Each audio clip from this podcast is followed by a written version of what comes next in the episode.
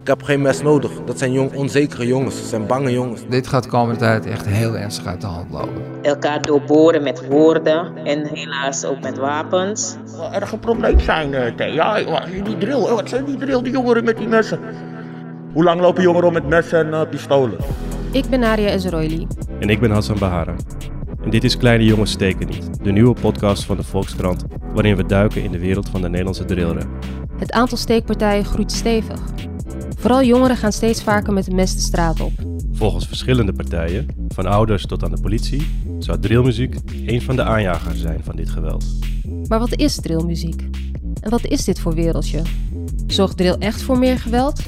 En is er een oplossing? In drie afleveringen gaan we op zoek naar het antwoord op die vragen.